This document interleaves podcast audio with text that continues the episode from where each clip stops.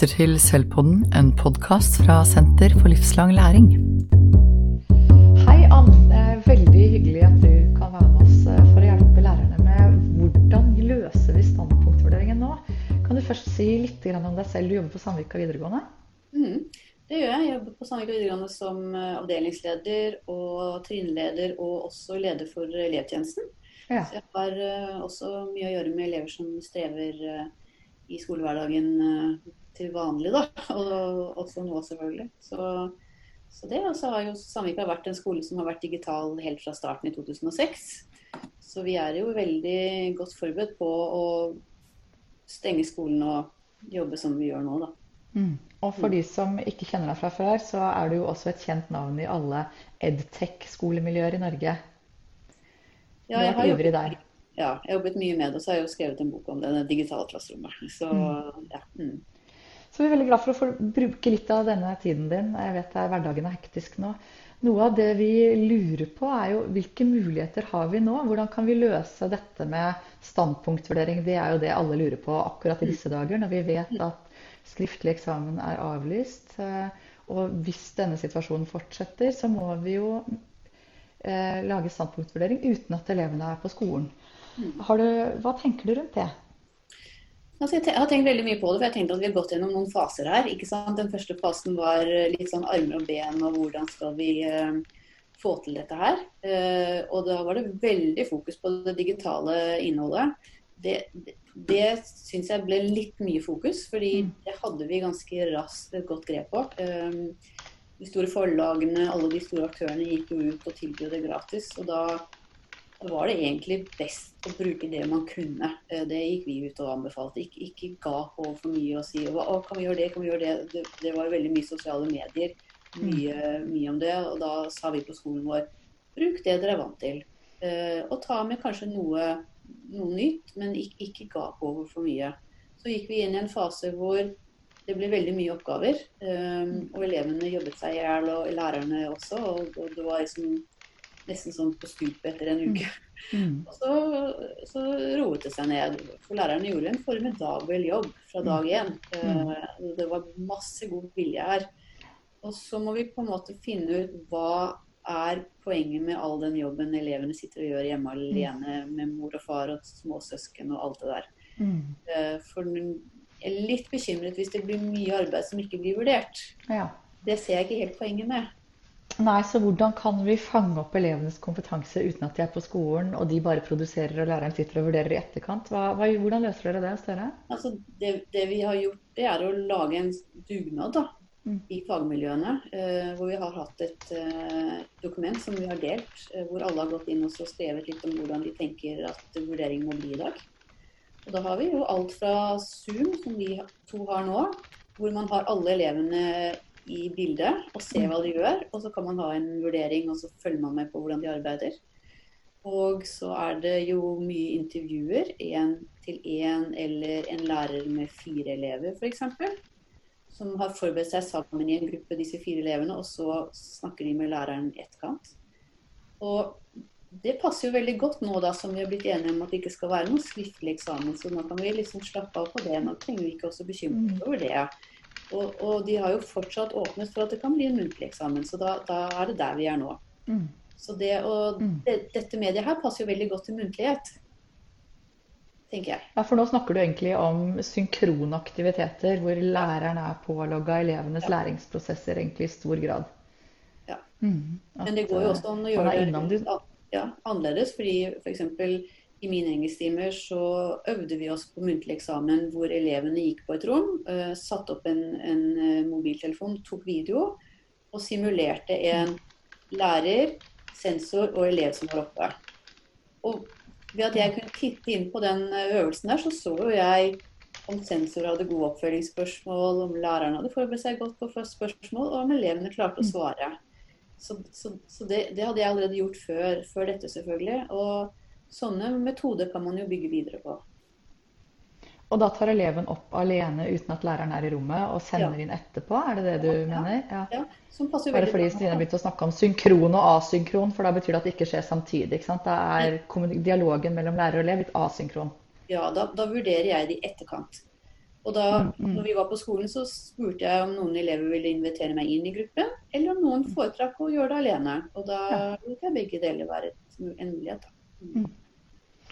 Eh, For da, det, Noe av det som jo jeg hører er utfordringen i en del diskusjonsgrupper, og sånn, er jo hvordan kan vi vite at det er elevens kompetanse vi følger opp, og ikke foreldre eller andre. Og Dette er jo et eksempel på det, egentlig. da. Ja, det er det. Og det, det spørsmålet har jeg fått allerede når jeg har vært og holdt foredrag om bruk av blogg.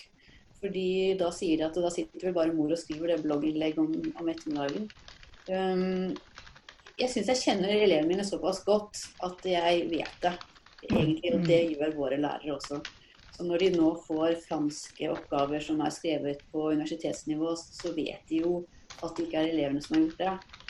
Så det vi må poengtere veldig nå, er at elevene må levere inn sitt eget arbeid når de får en vurdering. Det er jo ikke noe vits at mor eller far blir vurdert. Nei. Det er ikke noe læring i det. Men jeg har også erfaring med at når, hvis man da er usikker, da, så kan man jo da ta en fagsamtale med elevene, eller be eleven forklare hvordan de har tenkt, og så avdekker man fort eh, om eleven har språk til å forklare hva man har drevet med eller ikke. Absolutt. Det er det man har. Så bra. Eh, Så er det, vet jeg også at mange, elever, mange lærere lurer på hvordan hva kan vi bruke av informasjon og ikke bruke av det vi har, eh, har, har av kunnskap om elevene fra før, altså fra tidligere i opplæringen. For nå snakker vi om standpunktvurdering, ikke sant? Og fram til vi starter standpunktvurdering, så har jo elevene vært i en treningsfase. Men hva er det vi kan bruke av den eh, informasjonen? Nå er vi jo så heldige da, at vi er jo i en midtveisvurderingsperiode nå. Så vi har jo hatt hele første del av andre termin er jo nesten vært på skolen. Eh, Så de fleste lærere bør jo ha grunnlag for en midtveisvurdering. Så, så den, den, den skal jo være der. Og så går vi videre da med den nye skolen vi har nå, da, med, med hjemmeskole. Og da er det jo eh, mange muligheter for å vurdere på mange forskjellige måter. Og, og det er klart at det beste er jo sånn som vi da, som har den samtalen her nå. Men lærerne har mange mange elever, og det tar veldig mye Mm. tid. Så Ja. kanskje, kanskje dele fire-fire elever man diskuterer tekster med. Sånne ting som det er kanskje smart. Mm, at man har grupper.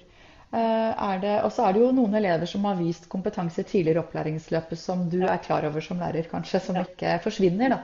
Ja. Eh, For alle elever skal jo også ha muligheten til å forbedre seg mot slutten. Det er jo noe av det som blir diskutert litt nå. Det det det er. Er det andre grøfter du tenker vi må være oppmerksomme på nå i standpunktvurderingen? Jeg tenker at vi skal eh, være glad for at lærerrollen har vært i en endring allerede.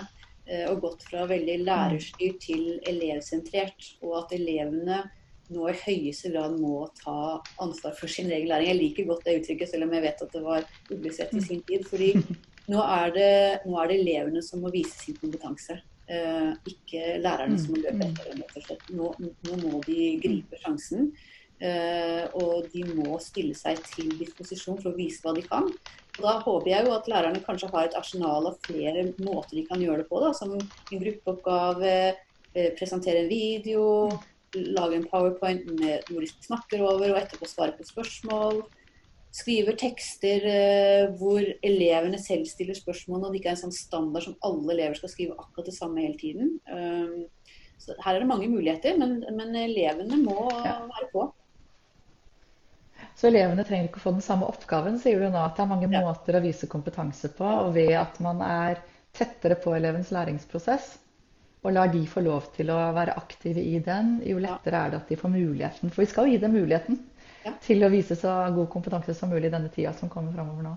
Mm. Og så tenker jeg at Forskning viser jo nå at eh, sånn medelevvurdering har en god effekt på elevens læring. Mer enn veldig mye annet. Og Da har vi jo verktøy da, It's Learning og sikkert i Teams også som legger til rette for det. Og hvorfor da ikke begynne en oppgave med å gjennom kriteriene, snakke med elevene, sånn skal oppgaven se ut når den er, er perfekt og fin. Og så skriver man en, et forslag til en tekst, de andre elevene vurderer for hverandre, kommer med tilbakemeldinger, læreren går inn og ser, det er jo anonymt, så man kan bare ta noen øh, vurderinger der.